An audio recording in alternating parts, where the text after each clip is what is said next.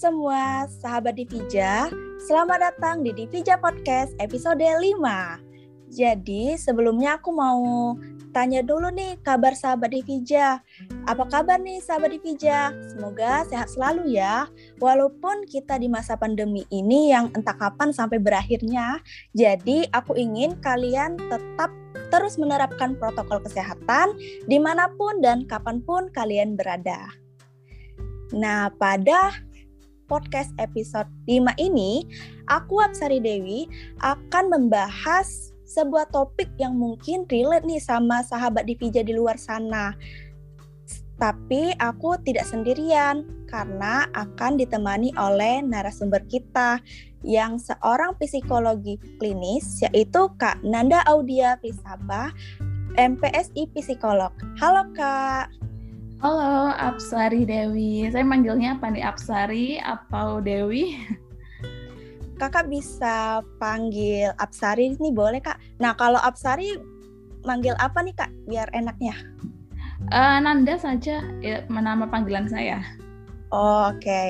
Kak Nanda ya kak. Mm-hmm. Halo Kak Nanda, apa kabarnya nih kak? Uh, kabar baik meskipun sedikit lelah ya. Hmm. Jadi kakak bisa perkenalan dulu nih kak biar sahabat di Vija lebih kenal dan lebih sayang karena tak kenal maka tak sayang nih kak. Oke, terima kasih Apsari sudah mengundang saya gitu ya, sahabat Divija juga sudah uh, mempercayakan saya menjadi narasumber di podcast hari ini. Uh, perkenalkan, nama saya Nanda. Ya, saya uh, seorang psikolog klinis jadi saya kebetulan lulus dua tahun yang lalu dari Universitas Surabaya atau Ubaya. Dan kesibukan saya akhir-akhir ini dari tahun uh, 2020 saya menjadi seorang dosen di salah satu universitas negeri di Surabaya. Dan tentunya di jurusan psikologi uh, yang uh, tentunya yang berkaitan dengan psikologi klinis yang sesuai dengan uh, profesi yang saya minati gitu. Nah, jadi sahabat Ivija udah kenal nih sama Kak Nanda. Okay. Jadi aku pernah baca di berita online yaitu CNN Indonesia, mereka pernah mensurvei sebanyak 5.211 orang partisipan di masa pandemi ini yang menunjukkan hasilnya itu 98 persennya adalah tanda-tanda merasa kesepian. Nah, kalau menurut dari kakak sendiri nih, kesepian itu apa sih kak? Dan bagaimana tanda-tanda seseorang itu terkena kesepian nih kak? Oke, sekarang sepertinya sudah mulai marak sekali ya uh, terkait dengan kesepian atau kalau uh, mungkin kita sering dengarnya itu kata-kata loneliness. Bahkan di uh, Universitas California Los Angeles sendiri itu mereka sudah memiliki alat ukur tersendiri untuk mengukur loneliness itu sendiri. Nah, uh, loneliness atau kesepian itu apa sih teman-teman? Jadi kesepian sendiri itu sebenarnya merupakan suatu bentuk respon atau reaksi gitu ya yang sifatnya emosional terus juga melibatkan kognitif kita gitu ya yang merasa bahwa uh, kita merasa tidak puas nih dengan uh, kondisi atau hubungan kita secara sosial dengan relasi sosial kita kita merasa tidak nyaman dengan uh, relasi sosial gitu ya.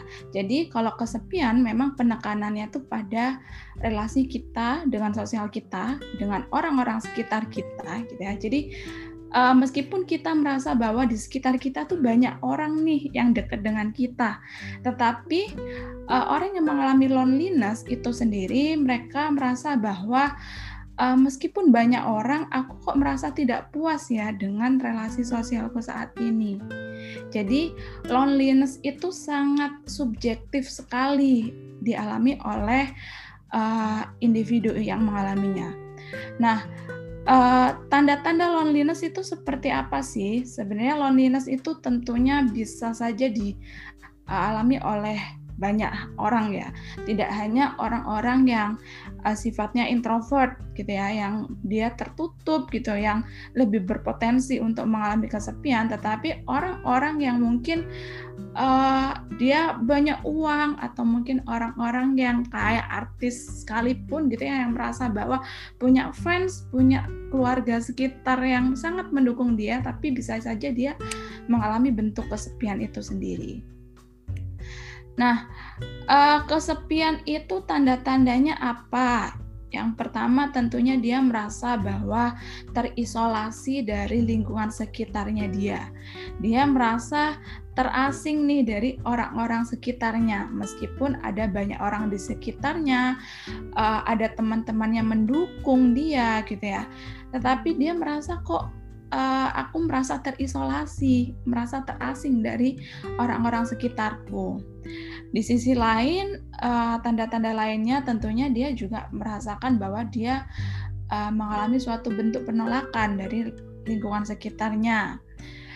Lalu uh, dia juga bisa saja merasa bahwa uh, tidak ada orang nih yang bisa mengerti kondisi dia, gitu ya, sehingga uh, hanya aku sendiri nih di sini, nggak ada orang lain yang uh, bisa mendukung aku. Gitu. Terus bisa juga tanda-tanda lainnya dia merasa tidak dicintai, terus merasa tidak memiliki sahabat, dan tentunya yang uh, bisa memicu individu itu mengalami suatu bentuk loneliness itu dia uh, malas untuk membuka diri. Jadi dia sulit sekali untuk membuka atau terbuka tentang dirinya ke orang sekitarnya dia. Seperti itu untuk beberapa tanda-tanda dari loneliness itu sendiri. Oh, seperti itu ya, Kak. Jadi aku pernah nonton ya, Kak, salah satu drama Korea yaitu Squid Game yang di mana dia itu tahan membuat sebuah game yang isinya itu gamenya itu orang-orang yang ingin mendapatkan uang. Jadi walaupun yang punya banyak uang ini udah banyak kekayaannya ya kak, tapi dia merasa kesepian. Jadi dia ingin menghibur dirinya dengan cara membuat game tersebut ya kak ya. Betul dan uh, yang kakek yang karakter kakek kakak itu kan. Jadi meskipun uh, dia sudah mendap sudah menciptakan suatu bentuk game gitu ya yang merasa bahwa uh, banyak orang yang mengikuti game itu tetapi kalaupun nggak ada orang atau kalaupun nggak ada apa ya semacam uh, orang yang bisa atau relasi sosial yang bisa membuat dia merasa nyaman merasa bahwa dia ini uh, diharapkan gitu ya maka uh, dia tetap akan mengalami suatu bentuk kesepian tetapi lain cerita ketika si individu ini sudah di sekitarnya gitu ya di uh, relasi sosialnya dia merasa bahwa ada satu orang nih yang care ke dia terus uh, dia bisa juga menciptakan hubungan yang sifatnya uh, intim dengan orang tersebut. Intim dalam artian tuh bukan intim yang uh, romantis gitu ya tetapi uh, intim misal kita menjalin suatu bentuk pertemanan yang uh, dekat gitu ya atau menjalin suatu persahabatan gitu itu bisa membuat individu itu uh, terbebas atau terhindar dari suatu bentuk kesepian itu sendiri. Oke, jadi selanjutnya nih Kak, kan tadi aku baca berita online tadi kan dia mensurvei di masa pandemi ini angka presentasi sebanyak 98% itu kan sangat banyak ya Kak ya presentasinya apakah di masa pandemi ini yang menjadi seseorang itu makin meningkat rasa kesepiannya itu kak? Oke, uh, betul karena di masa pandemi ini kan kita tahu ya bahkan kuliah aja kita daring secara online, nggak bisa ketemu teman-teman di kampus atau mungkin di sekolah gitu ya. Nah, uh, salah satu orang uh, salah satu yang menyebabkan individu itu mengalami suatu fenomena loneliness itu adalah adanya suatu uh, perubahan gitu ya, perubahan uh, yang terjadi di dalam hidupnya dia gitu ya. Khususnya yang berkaitan dengan hubungan dengan sosialnya. Nah, pandemi ini kan kita tahu ya segala sesuatunya itu sudah berubah sekali atau uh, kita tahu yang dulunya sekolah itu kita bisa tatap muka dengan teman kita tetapi uh, mobilitas harus terbatasi juga aktivitas juga di luar itu juga kita dibatasi sehingga banyak orang itu lebih banyak uh, menghabiskan waktunya di rumah ya. sehingga uh, yang dulunya aktivitasnya tuh bersama teman-teman di kampus ataupun di sekolah atau mungkin uh, pekerja sekalipun ya mungkin dulunya kerja itu di kantor ada rekan kerjanya gitu ya yang nggak hanya uh, fokus kerjaan tetapi juga bisa hahihi sama rekan kerjanya tetapi ketika kita uh, apa ya semacam mengubah kebiasaan itu yang mana kebiasaannya sekarang kita lebih banyak melakukan segala sesuatunya di rumah otomatis orang-orang yang kita temui itu juga dalam bentuk dunia maya kan? Misal seperti ini zoom saja saya ketemu Apsari hanya di dunia maya. Tidak ada kontak secara fisik tidak bertemu secara langsung. Sehingga uh, karena aktivitas terbatasi terus adanya suatu bentuk perubahan uh, keadaan gitu ya, yang yang membuat kita lebih banyak stay home itu yang bisa memicu seseorang itu mengalami fenomena loneliness. Iya sih kak, walaupun ada aplikasi Zoom ini rasanya kalau untuk ketemu secara virtual ini kurang feelnya tuh kurang ya kak ya karena nggak bisa secara langsung gitu ya kak ya uh, karena kan ketika kita uh, melalui virtual gitu ya, melalui dunia maya itu pasti ada semacam uh, delaynya kan. Berbeda ketika kita bertemu secara langsung dengan orang ya, kita ngobrol nih. Misalnya saya ketemu secara langsung dengan Apsari, saya ngobrol dengan Apsari kan bisa langsung menjawab dengan cepat. Tetapi kalau melalui Zoom, uh, mungkin kita bisa secara cepat nih untuk menjawab, tetapi ada orang yang um, harus uh, me aktifkan dulu apa mikrofonnya, belum lagi ada delay internet. Terus misal kalau kita komunikasi dengan orang melalui WhatsApp gitu, kan ada delaynya. Kita harus mengetik chatnya atau mungkin kirim voice note. Jadi interaksi itu tidak bisa uh, terjadi lebih cepat. Jadi masa pandemi ini juga berdampak ya kak pada masalah kesepian ini? Tentu pastinya ya.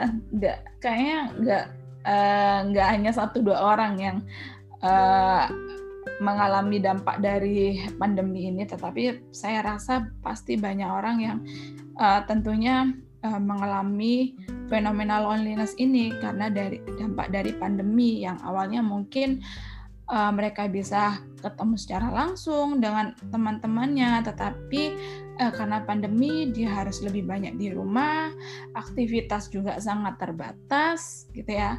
Lalu chat-chatan atau mungkin uh, berkomunikasi melalui sosial media juga mungkin kita tidak bisa terus menerus ya pegang handphone gitu ya karena itu juga bisa memicu gangguan lainnya atau mungkin kita juga capek gitu ya menghadap layar laptop terus menerus gitu. sehingga uh, interaksi kita itu sebatas dengan orang-orang di dekat kita seperti keluarga gitu ya jadi kita nggak bisa berinteraksi lebih luas lagi di luar dari keluarga itu sendiri. Dan uh, kadang pun nggak munafik ya kalau misalnya kita terus-terusan ketemu dengan adik saya gitu ya pasti akan bosan gitu ya. Tetap berbeda ketika kita uh, ke sekolah atau mungkin ke kampus yang biasanya ketemu adik terus ke kampus kita bisa ketemu teman-teman kita. Itu kan uh, vibes-nya uh, berbeda vibes kita mendapatkan vibes yang lebih baru lagi Nah, kalau untuk dampak yang ditimbulkan dari seseorang yang merasa kesepian itu apa saja nih, Kak? Oke, untuk dampak secara kronisnya ya, dampak secara kronis yang uh, kita awalnya yang lebih yang paling parah tentunya dampaknya uh, individu itu bisa mengalami suatu bentuk gangguan mental. Karena uh, individu yang mengalami uh, terus menerusan mengalami loneliness itu sendiri uh, bisa memicu perasaan-perasaan yang gelisah, cemas atau anxiety gitu ya. Dan uh, ketika anxiety itu terus-menerus berlangsung itu juga bisa memicu uh, gangguan mental dari si individu itu sendiri.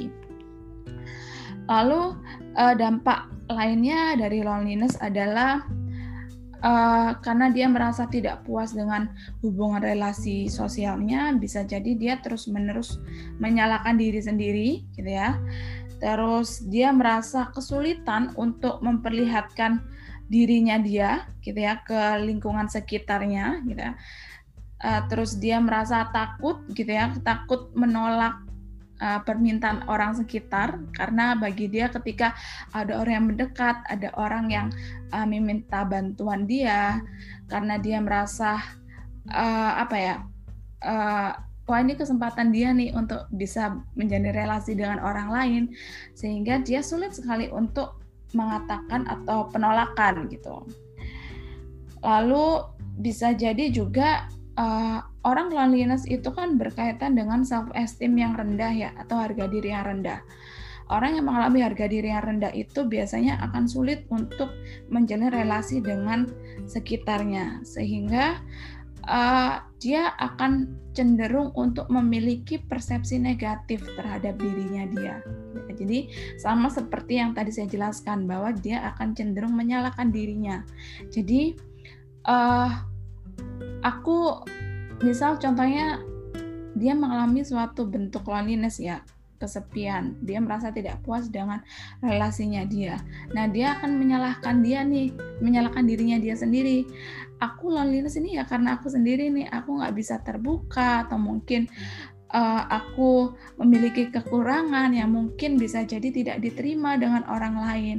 Sehingga uh, dengan adanya berbagai persepsi negatif terhadap dirinya sendiri itu sendiri, uh, dia memutuskan untuk mengisolasi dirinya atau mengasingkan dirinya dari lingkungan sekitarnya.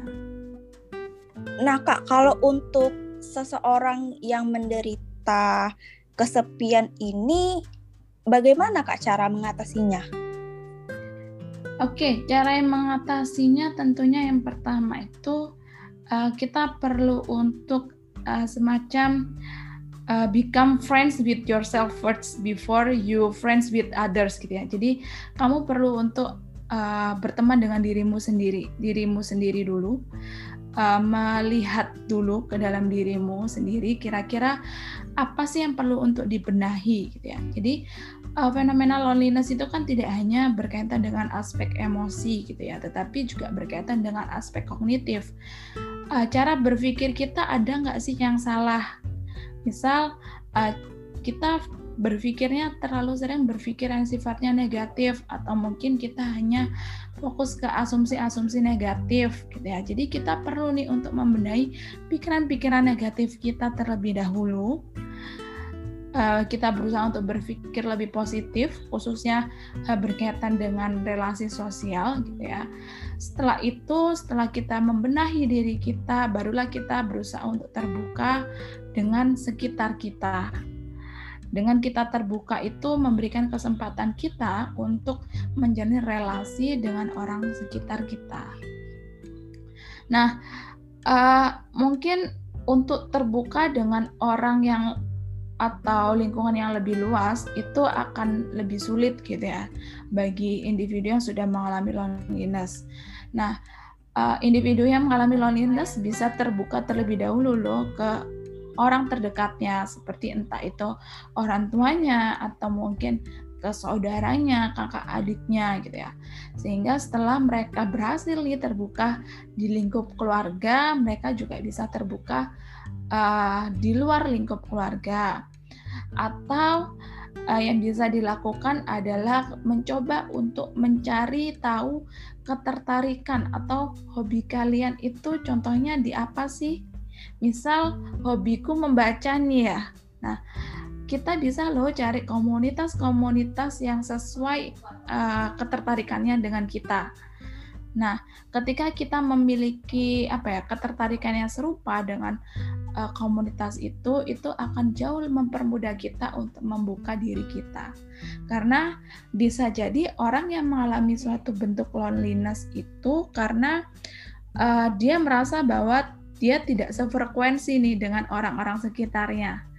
Misal uh, di satu kelompok gitu ya uh, dalam satu kelompok ini mereka pada ngomongin K-pop gitu, tetapi kita merasa bahwa kita nggak suka nih sama K-pop. Nah, kita bis kita sukanya mungkin mungkin lagu-lagu yang ke barat-baratan atau mungkin kita lebih suka lagu-lagu Indian gitu ya.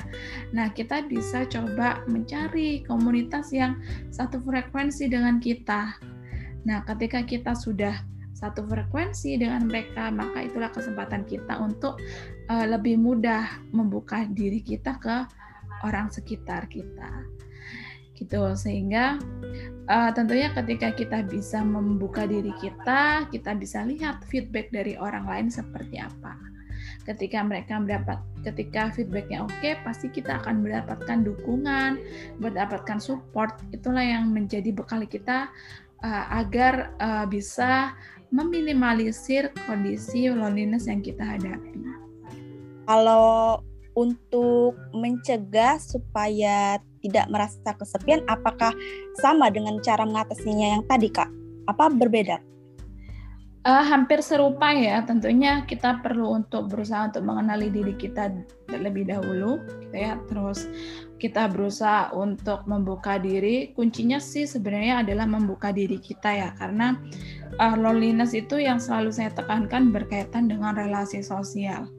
Ketika kita tidak bisa terbuka dengan relasi sosial kita, itu bisa uh, menjadi potensi ke arah fenomena loneliness itu sendiri. Tetapi ketika kita bisa untuk berusaha terbuka ke orang sekitar kita, uh, orang lain mendapat memberikan feedback gitu ya ke kita, maka uh, itu bisa menjadi hal yang uh, membuat kita oke okay, ternyata ada orang di sekitarku nih yang memberikan dukungan, yang ternyata peduli nih ke diriku. Terus yang nggak kalah penting itu adalah kita perlu untuk menanggalkan uh, asumsi-asumsi negatif ya atau persepsi-persepsi negatif yang mungkin kita masih belum tahu kebenarannya. Contohnya uh, misal kok adekku kayaknya dia mengalami perubahan sikap nih ke aku, adekku nggak misal yang dulu adiknya care gitu ya banyak cerita ke kita. Kok sekarang adikku uh, mulai nggak banyak cerita ke aku ya adikku kayaknya udah nggak care lagi nih. Nah itu kan salah satu bentuk asumsi ya atau uh, persepsi kita yang kita belum tahu itu benar atau enggak sehingga kita perlu untuk mengklarifikasi langsung ke orang yang bersangkutan untuk mengetahui lebih tak lebih lanjut gitu ya apakah asumsi kita ini benar atau enggak karena kalau uh, itu dibiarkan menjadi asumsi-asumsi negatif yang ada di pikiran kita, gitu, ya, maka itu bisa uh, mempengaruhi perasaan kita. Jadi pikiran dan perasaan kita tuh saling berkorelasi. Ketika pikiran kita negatif, gitu ya, pasti itu akan mempengaruhi kondisi emosi kita yang juga atau kondisi perasaan kita yang juga akan menjadi negatif. Misal uh, tadi kita memiliki asumsi bahwa adiknya sudah nggak sudah nggak care lagi, sudah nggak peduli ke kita. Tentunya itu akan berdampak loh pada kondisi emosi atau perasaan kita yang akan menjadi lebih sedih, merasa kecewa ataupun merasa marah. Tetapi ketika kita berusaha untuk mengklarifikasi ke orang yang bersangkutan, kita bisa jelas nih apa yang terjadi sebenarnya, maka uh, asumsi negatif itu akan bisa berubah dan tentunya bisa mengubah kondisi perasaan kita juga. Nah, ini yang terakhir nih Kak. Pesan Kakak untuk sahabat Divija di luar sana yang sedang merasa kesepian. Oke. Uh, untuk sahabat Divija yang mungkin saat ini mengalami fenomena loneliness gitu ya.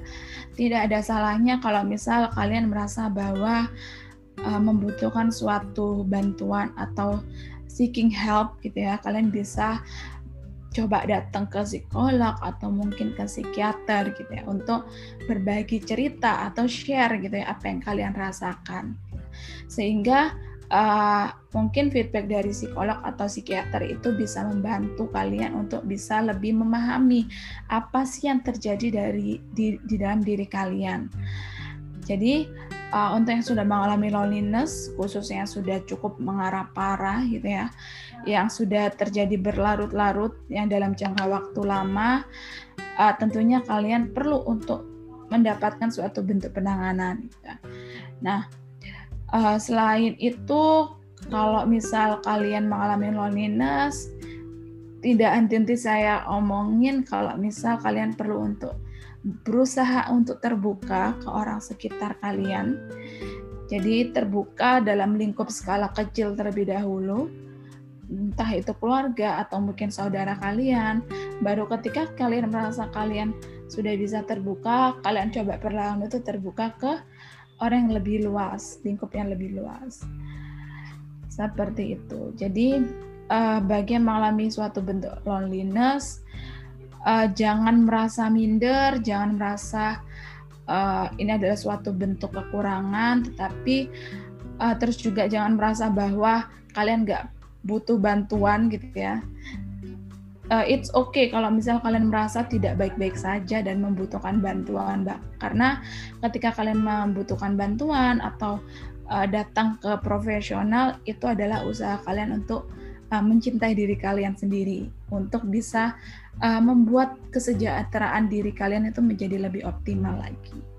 Oke kak, nah sahabat Divija kalian sebenarnya harus lebih berusaha terbuka ya kak dari mulai teman terdekat seperti teman dekat atau keluarga kalian bisa cerita nih. Atau kalian juga bisa ke psikolog. Dan kalian juga jangan merasa minder. Walaupun kalian sedang ada masalah kalian harus tetap cerita ya kak. Tuh karena kadang cerita itu adalah healing tersendiri loh. Misal kita uh, punya masalah nih kita pendem sendiri tapi ketika kita bisa menceritakan ke orang lain itu uh, suatu bentuk pengekspresian emosi yang kita pendam. Itu membuat kita jauh lebih lega lebih uh, meriliskan uh, emosi-emosi yang uh, kita rasakan gitu. Jadi kak karena sebenarnya karena udah di penghujung acara ya kak sebenarnya aku masih ingin ngobrol lebih banyak lagi nih sama kakak. Tapi karena waktunya yang terbatas, mungkin kita next time bisa ngobrol-ngobrol lagi ya kak. Oke. Okay. Dan untuk sahabat Dipija, semoga obrolan podcast kali ini bisa membantu kalian dalam pengetahuan, manfaat, serta tips-tips yang diberikan oleh Kak Nanda tadi agar kalian tidak merasa kesepian. Dan terima kasih juga kepada Kak Nanda yang meluangkan waktunya untuk bisa hadir di podcast di Pija kali ini. Terima kasih banyak ya Kak. Oke, sama-sama semuanya. Terima kasih juga untuk sahabat Dipija yang juga meluangkan waktunya untuk mendengarkan podcast ini. Nah, jadi sebelum penutup, aku ingin memberikan pantun kepada sahabat Divija nih, yaitu ke pasar pagi membeli ikan. Ikannya digoreng buat dimakan. Sungguh senang yang kita bisa dapatkan dari Divija Podcast episode 5 yang diadakan. Sampai jumpa di podcast Divija selanjutnya ya. Saya Apsari Dewi, pamit undur diri. Bye-bye. Bye semuanya.